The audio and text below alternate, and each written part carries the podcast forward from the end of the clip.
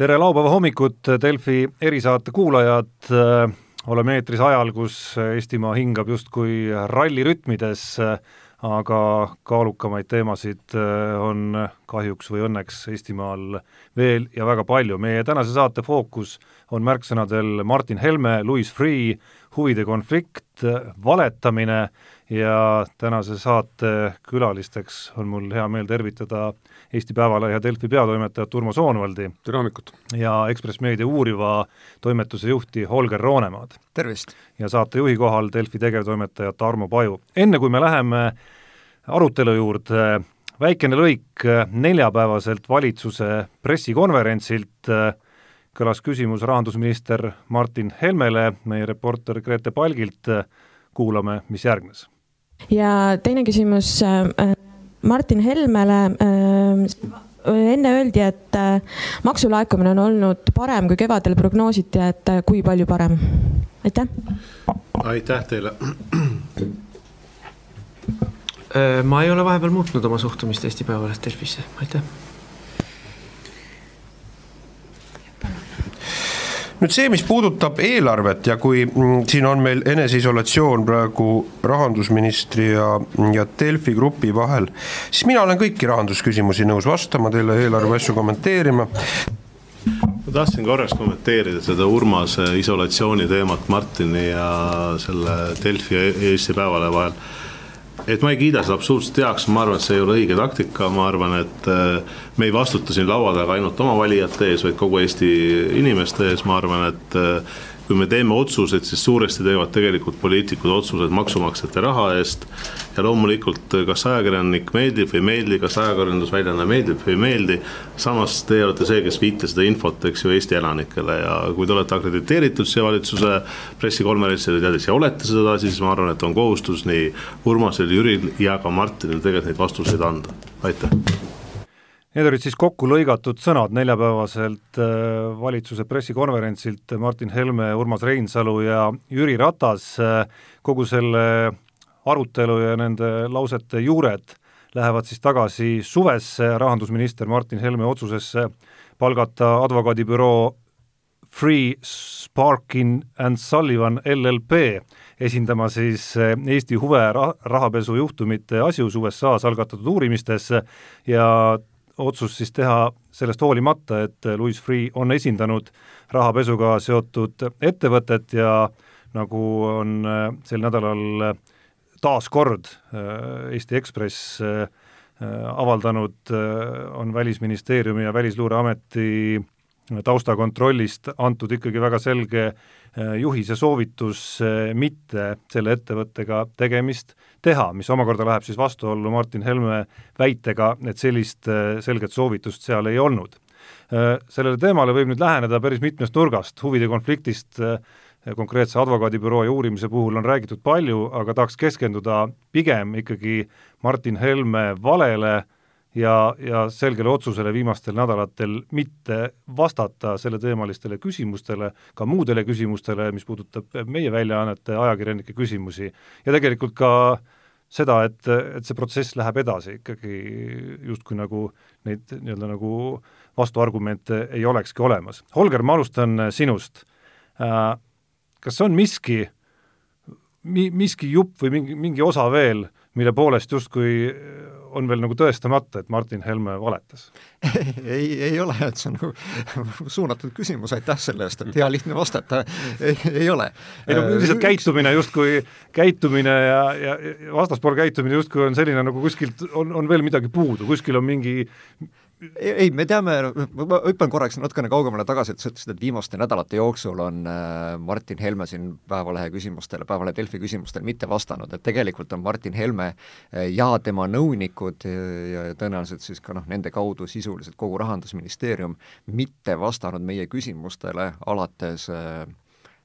teisest juulist, ma pakun, et kui, kui ma nüüd mälu järgi peast õigesti ütlen, et siis see oli reedene päev, kui kolmas juuli äkki oli see kuupäev, kui, kui äh, Rahandusministeerium korraldas sellise äkkpressikonverentsi ja, ja võidukalt esitles sedasama Louis Freeh siis seal, kes äh, kolme miljoni euro eest, maksumaksja raha eest seda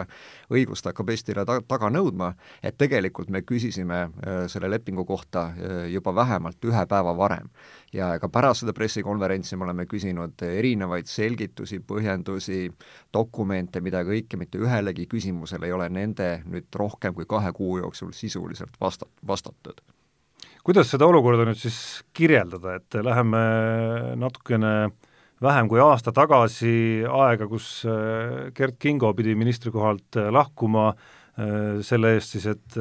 Riigikogu saali ees jäi vahele valetamisega faktide osas, mis puudutas siis Jako Väliga lepingu sõlmimist, Martin Helme enda sõnad ETV eetris, valetamine lõpetab poliitiku karjääri kiiresti, valetamine on vale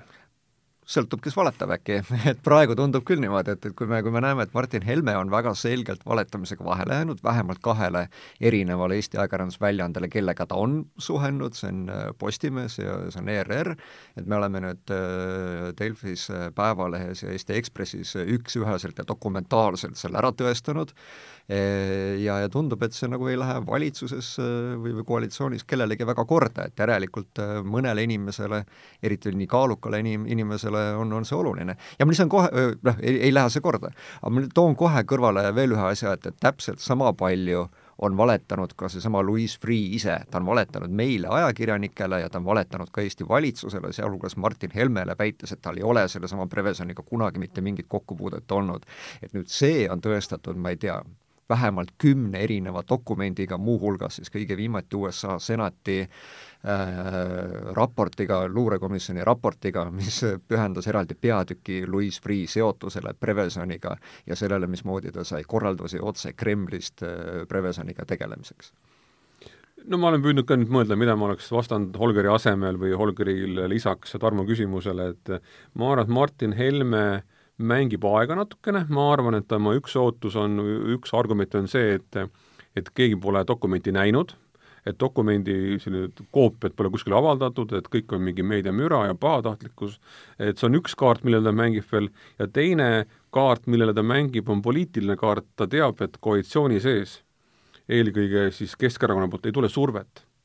noh, ei tule survet. kui me vaatame Jüri Ratase vastuseid, sa mängisid, Tarmo, maha selle, selle osa, kus ta ütleb, et peab suhtlema, aga mida on Jüri Ratas rääkinud Freeh lepingu kohta? tema peamine tees on see, et pole huvide konflikti ja ta toetub sellele Louis Freeh enda lausele et mis on Tead, nagu, ta toetub Louis Freeh enda lausele ja, ja Martin ka, Helme enda lausele. et, et see on ju täiesti nagu noh, õiguslikult täiesti nonsense. probleemi no, täielik no, surnuks ignoreerimine. mille, mille, mida ma helifailina korraks mõtlesin otsida üles,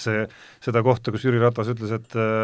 et huvide konflikti ei ole, kuna advokaadibüroo kirjalikult kinnitas, et seda ei ole. jah, no ja mida advokaadibüroo muud saab öelda, et aga, aga seni ma arvan, Äh, see surve on väike, kõik valitsused hakkavad tavaliselt seestpoolt lagunema ja kuni seespool ei ole mingit survet või mõju või, või lisamõjusid seda rohkem uuristada Martin Helme suunas, ma arvan, et varem ei juhtugi äh, midagi ja, ja ja emotsionaalselt on Martin Helme ennast nurka värvinud. ta on ju nii, nii fundamentaalselt kaitsenud seda lepingut, äh, Freeh sõnu selle, selle partneri kui unikaalset äh, isendit, et ainult nendega saab seda nagu asja ajada Eestis ja ma arvan, et tal on väga raske välja tulla sealt äh..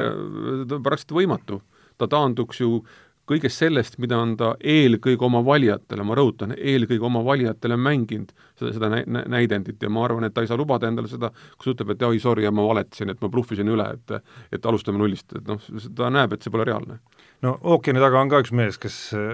ei tunnista noh, ma ei tea, kas ta on kunagi, Donald Trump, tunnistanud mõnda eksimust, et et kui seda, kui see nädala jooksul või nädalate jooksul on rullunud see, see osa nüüd sellest loost lahti, kus, kus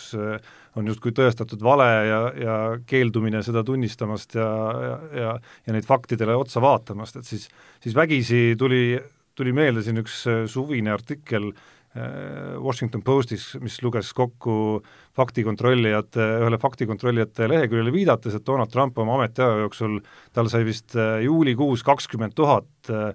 erinevat vale või eksitavat väidet, olgu siis sotsiaalmeedias või mis iganes avalikes esine-, esinemistes kokku, et, et counter on jõudnud siis nagu on, on jõudnud sinnamaale ja, ja kui sa kasutasid seda nurka mängimise motiivi, noh siis Trump justkui nagu nurka pole kunagi läinud, et vastupidi, möllab, möllab nurgast väljas igati ja väga edukalt ja ja näis, kuhu ta veel möllab edasi siin uute valimiste valguses ja äh, sinna juurde on käinud äh, täpselt seesama muster, mida nüüd Martin Helme kaks korda on esitanud valitsuse pressikonverentsil, ehk siis konkreetse mõne väljaande suunas Äh, noh, etteheide kõlab veel nagu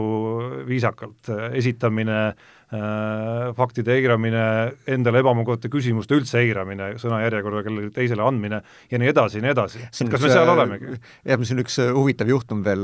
noh, mille sarnast, mille sarnaselt kindlasti Martin Helme käitub ju, pärineb selle, selle aasta kevadest, kus Trump käskis äh, Valge Maja pressiruumis esimeses reas, noh, seal on nii-öelda määratud toolid, esimeses reas istuvale CNN-i äh, ajakirjanikule, et nüüd on kõik, et nüüd lähed viimasesse ritta, et üritas ta avalikult sunniviisiliselt nii-öelda pagendada kõige tagumisse ritta, et vahetada seal ühe, ühe väiksema väljaande ajakirjanikuga kohad ära, kes mõlemad hakkasid protestima selle peale. et selline avalik mõnitamine, sõimamine, et, et see on selline tavapärane taktika, aga mulle tundub, et noh, see on taktika, mida mis on, ma ei tea, kas Trumpist äh, hoogu läinud, me võime näha, ma ei tea, Brasiilias Bolsonaro puhul samasugust asja, me võime näha nagu väga, väga, väga paljudes riikides, et, et et see levib, levib väga, väga hoogsalt, aga ma arvan, et siin Eesti kontekstis praegusel hetkel, praeguse teema puhul on äh, Martin Helme endale jalga tulistanud. sest et noh, eeldus ja lootus on, et äh, me kas A, nagu vaikime sisulises osas selle teema surnuks või me läheme oma müraga sinna peale, oleme agressiivsed, teeme hästi palju lärmi ja, ja siis see teema, teema sumbub. aga ei, see teema ei sumbu, et ma räägin, et me oleme praeguseks kajastanud seda kaks kuud ja me näeme, et, et meil on iga nädal on järjest põhjust seda veel kajastada. Ja ma tean, et äh, järgmisel, ülejärgmisel nädalal äh, me jätkame ka,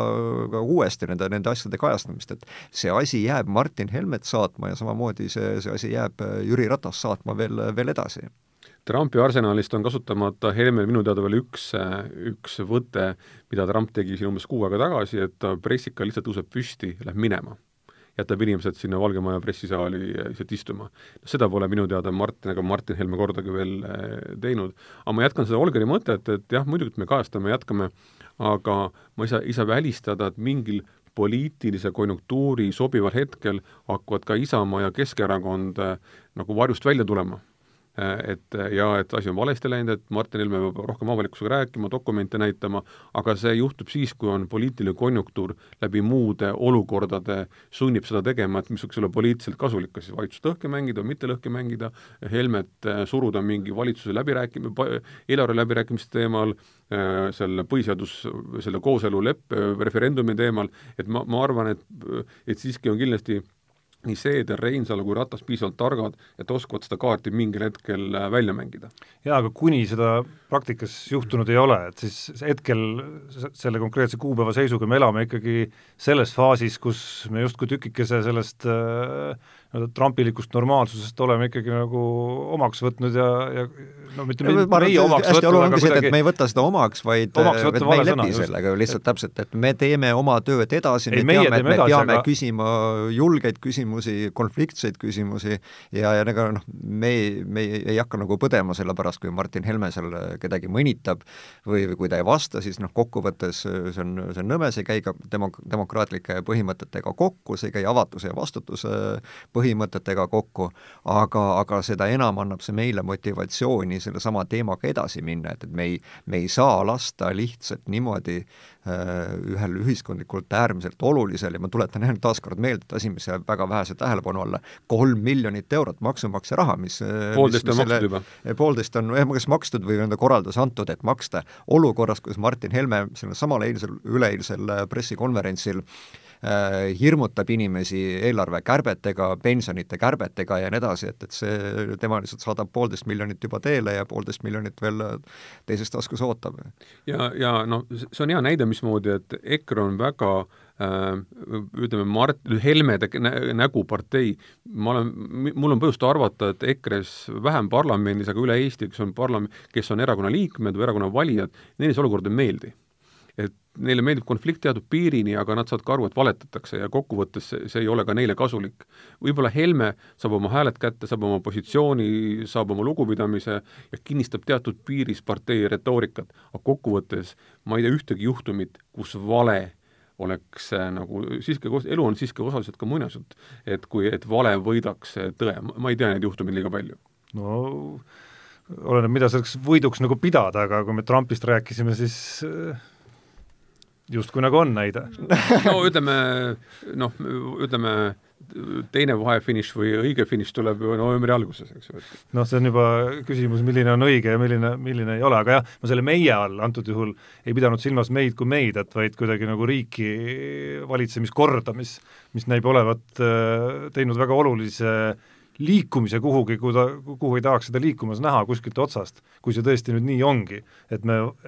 et, et me, riik, valitsemiskord äh, on jõudnud sellesse faasi, kus ei ole enam faktid olulised, kus ei pea enam aru andma ja edasi. vaadake protsessi, et äh, selle valitsuse äh, alguses oli see kõik väga imelik, aga me oleme nagu üha rohkem ka ühiskond ja võimalik, et ka mõned ajakirjandusväljaanded omaks võtnud või leppinud sellega ja alati, kui ma seda protsessi vaatan kõrvalt, mul tuleb meelde Juhan Ulfsaki esinemine teatriaasta auhinnadel paar aastat tagasi, kui ta oli just äsja Ungaris lavastanud ja ta kirjeldas, et Ungaris ei juhtunud ühtegi sellist ühte märgilist sündmust. sammhaaval laused, inimesed, asutused, meedia nagu võeti üle või kaetati ära, et noh, protsessi käigus ühel hetkel oi, avastati, et kuhu me oleme jõudnud. siin samamoodi, kui oleks samasugune asi olnud kas Ratase esim-, eelmise valitsuse või selle valitsuse alguses, see oleks šokk olnud kõigile. aga nüüd me võtame ka meie osaliselt noh, retoorikat, see on ju Martin Helme osa.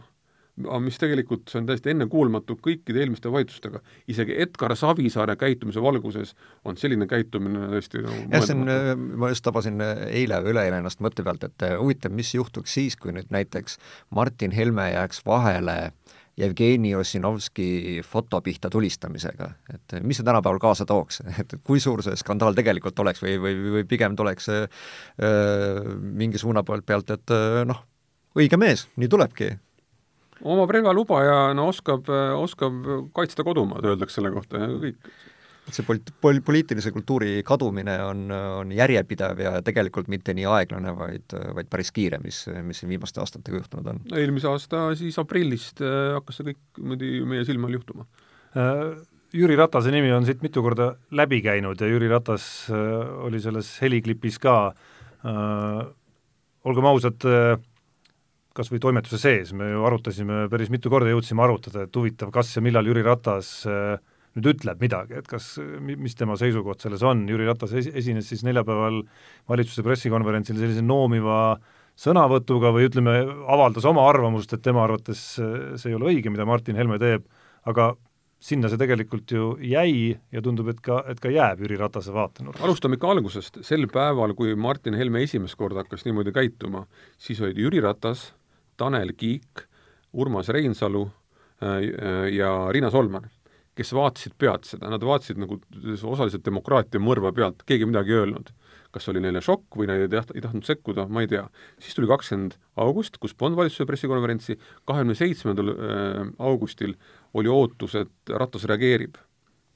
mitte midagi, mitte midagi. noh, osaliselt hakkas kuidagi ajakirjandust kaitsma läbi mingite üksikute lugude, mida Mart Helme hakkas osundama, et läks aega tegelikult kolm nädalat, et ta, et ta reageeris sellele. Äh, jah, on tore, et ta reageeris, aga selle reakt-, ütleme, see reaktsioon peaks olema niimoodi, et Martin Helme kas kuulab, mida peaminister ütleb. aga kuna nagu, nagu me Tarmoga täna ka päeval rääkisime, Eesti Vabariigi valitsus ja ka teised valitsused peaministrile ei allu ministrid, minister allub pigem oma erakonna kas juhatusele või volikogule või kongressile, siis Martin Helmel pole tegelikult mingit kohustust kuulata mida Jüri Ratas talle ütleb. no eks me nüüd äh, näeme järgmistel nädalatel, ega Martin Helme jääb samamoodi väga sagedalt eeldatavasti pressikonverentsidel edasi käima, äh, Delfi Päevalehe reporterid jäävad kindlasti iganädalaselt seal eda-, edasi käima, nii et äh, tõenäoliselt juba, juba järgmisel neljapäeval me näeme, et, et mis on muutunud, aga minu meelest, mis on oluline, lisaks selle nii-öelda poosi võtmisele, et oi, te olete Delfi ja Päevaleht, et ma teile ei vasta, et te olete nõmedad, et minu meelest valitsuse pressikonverentsi ka seal see nii-öelda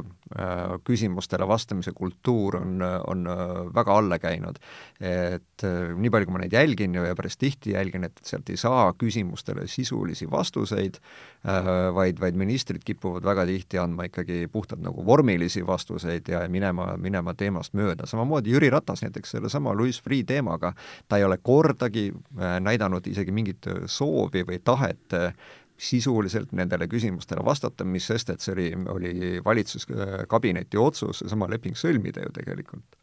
ma ei ole kindel tegelikult, kui palju üldse Jüri Ratas ja Urmas Reinsalu ja ma ei tea, veel teised Eesti võtmeministrid tegelikult süvenesid, et mida Martin Helme ajab, kuidas see kõik käib. ja ma usun ka, et nad ei süvenenud. Nad olid ühe fakti ees, ühe fakti ees ja kui nad hakkab, peaks hakkama praegu ta, nagu olema kriitilised kas Martin Helme suhtes, nad peaks olema ka kriitilised iseenda süvenem-, süvenematuse suhtes, nagu Raivo Aeg tõestas eh, endise kapo juhina, politseijuhina ja justiitsministrina, et ta ei süvenenud, kui ta allkirja andis. noh, mis on ka valitsuse ük, üks märkidest ja ma, ma teeksin üleskutse või noh, märgin ära, et me ei pea ootama Martin Helme reaktsiooni järgmise neljapäevani, minu teada järgmisel esmaspäeval on Rahandusministeeriumis järgmise aasta riigieelarve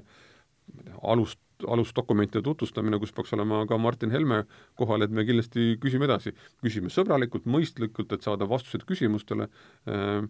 tsiteerides Jüri Ratast, et äh, ministrid on ametis selleks, et anda vastuseid äh, maksumaksja raha eest tehtavate otsuste suhtes Eesti rahvale.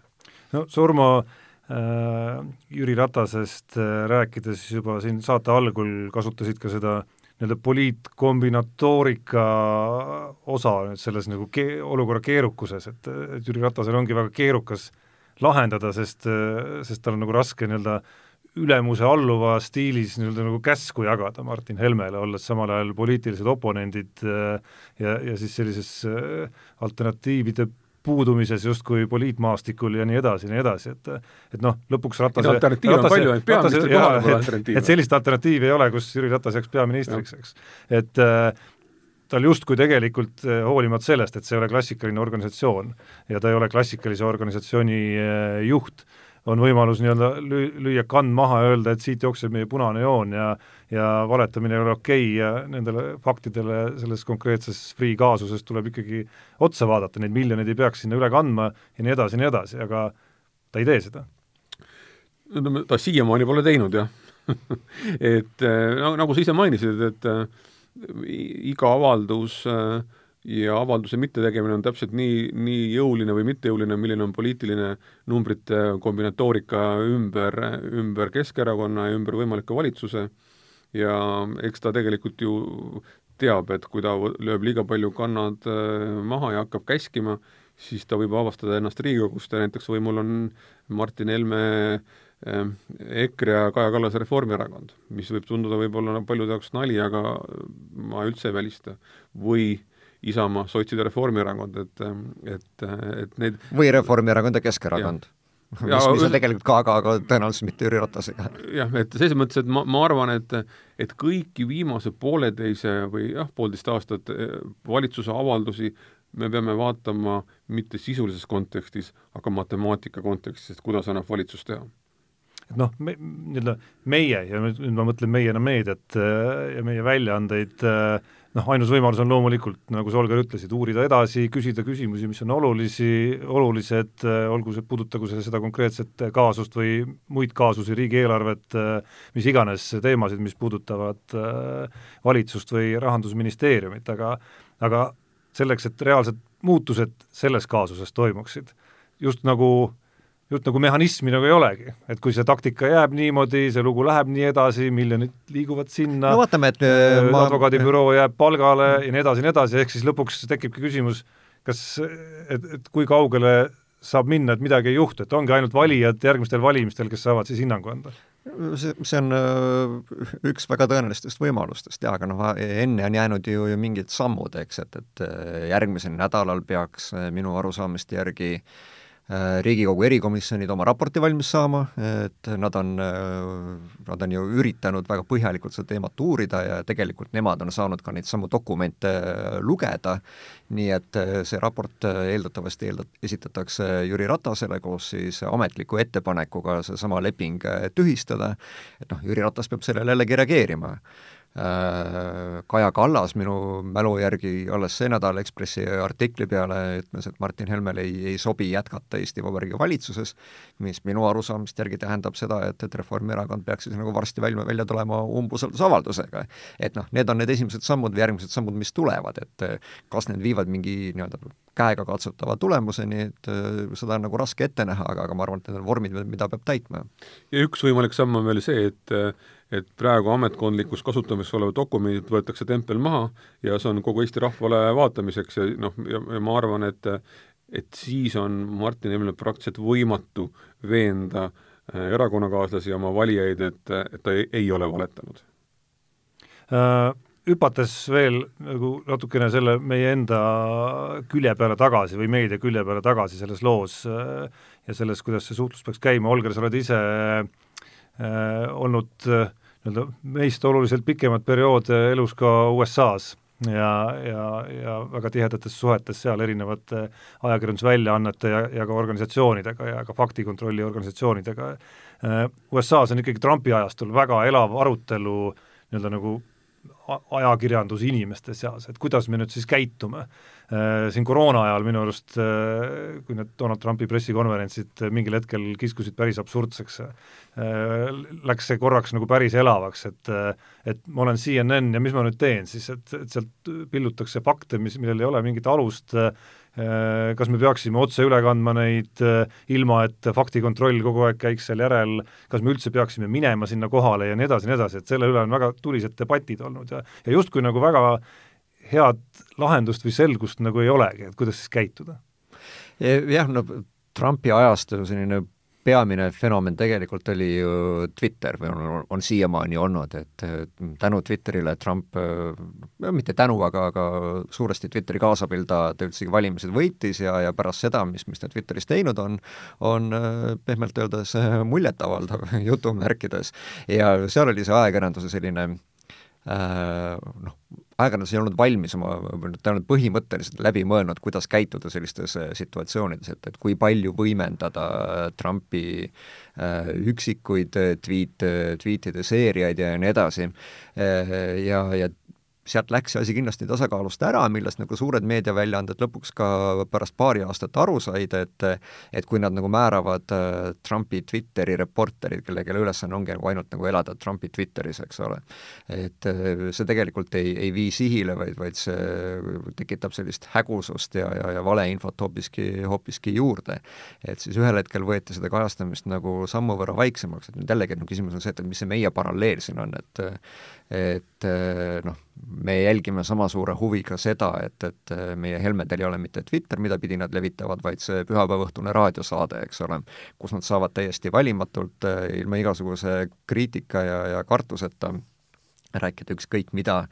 ükskõik mis sõnu kasutades, ükskõik kui palju tõtt äh, väänates ja, ja nii edasi, et äh, noh, eks need on need kohad, mille peale me mõtlema peame ja noh, loomulikult faktikontroll ka, et äh, õnneks Delfis me oleme päris palju faktikontrolliga tegelenud ja, ja ma arvan, et noh, me saame seda,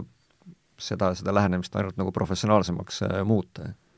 no kindlasti on, noh, ka mina olen kokku puutunud väga paljude Eesti inimestega, mõjukate inimestega, kes on öelnud, ärge kirjutage EKRE-st. noh, ärge ei, neid ei saa ignoreerida, et see on, see on aga ma olen öelnud, et kõik, me, me peame lähtuma kõik, kõikidest suhtuma võrdselt ja lähtuma uudiskriteeriumide järgi. ja noh, kui mingis muus raadiosaates oleks kaks ministrit ja räägivad niimoodi, me kajastaks samamoodi.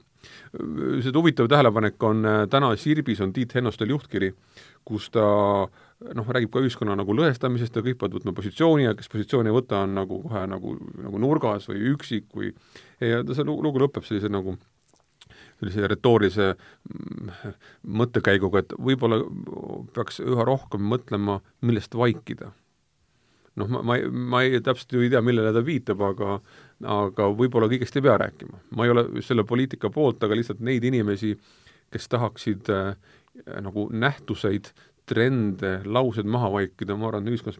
päris palju. aga ma arvan, et see teeb ühiskonna kokkuvõttes veel nagu haigemaks. ei no ajakirjanduses on selge, et, et me ei no valitsuse pressikonverents ei ole koht, millest vaikida, valitsuses tehtud aga, otsused ei ole koht, millest vaikida he, kindlasti. Helmet tervikuna mina arvan ka, et maha vaikida ei saa ja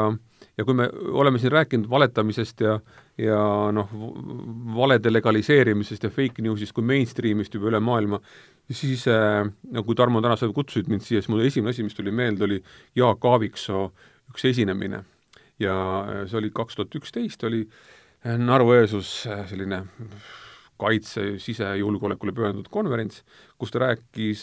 et valetamine ongi mõnikord legaalne ja põhjendatud. ja kui ma vaatan neid lauseid äh, Äh, mis siin on, siis, äh, siis, siis mul, siis, siis ma, siis ma kindlasti, kui Martin Helme selle leiaks, ta leiaks endale mõttekaaslase ja vaevalt Aaviksoo kaks tuhat üksteist mõtles, et temast saab Martin Helme mõttekaaslane, aga on laused, kus räägivad, et valed,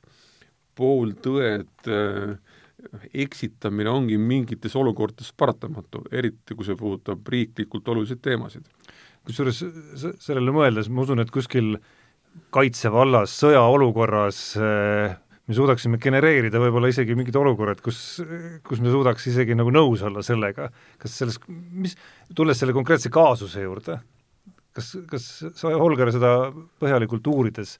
mõistad, milles see konks üldse on, et, et miks on näiteks nii raske tunnistada, et läks jah valesti? ja vaja edasi minna selle looga? Sellepärast, et Martin Helmel on vaja sellist kõva mehe imagot. Ja, ja kõva mees eh, ei saa eksida ja oma vigu tunnistada. Ja kõval mehel on vaja olla ühes ruumis endise FBI direktoriga ja, ja, ja uurida ma ei tea, Eesti varasemate ametnike ja, ja poliitikute tegemisi ja tegemata jätmisi ja, ja teha sellist suurt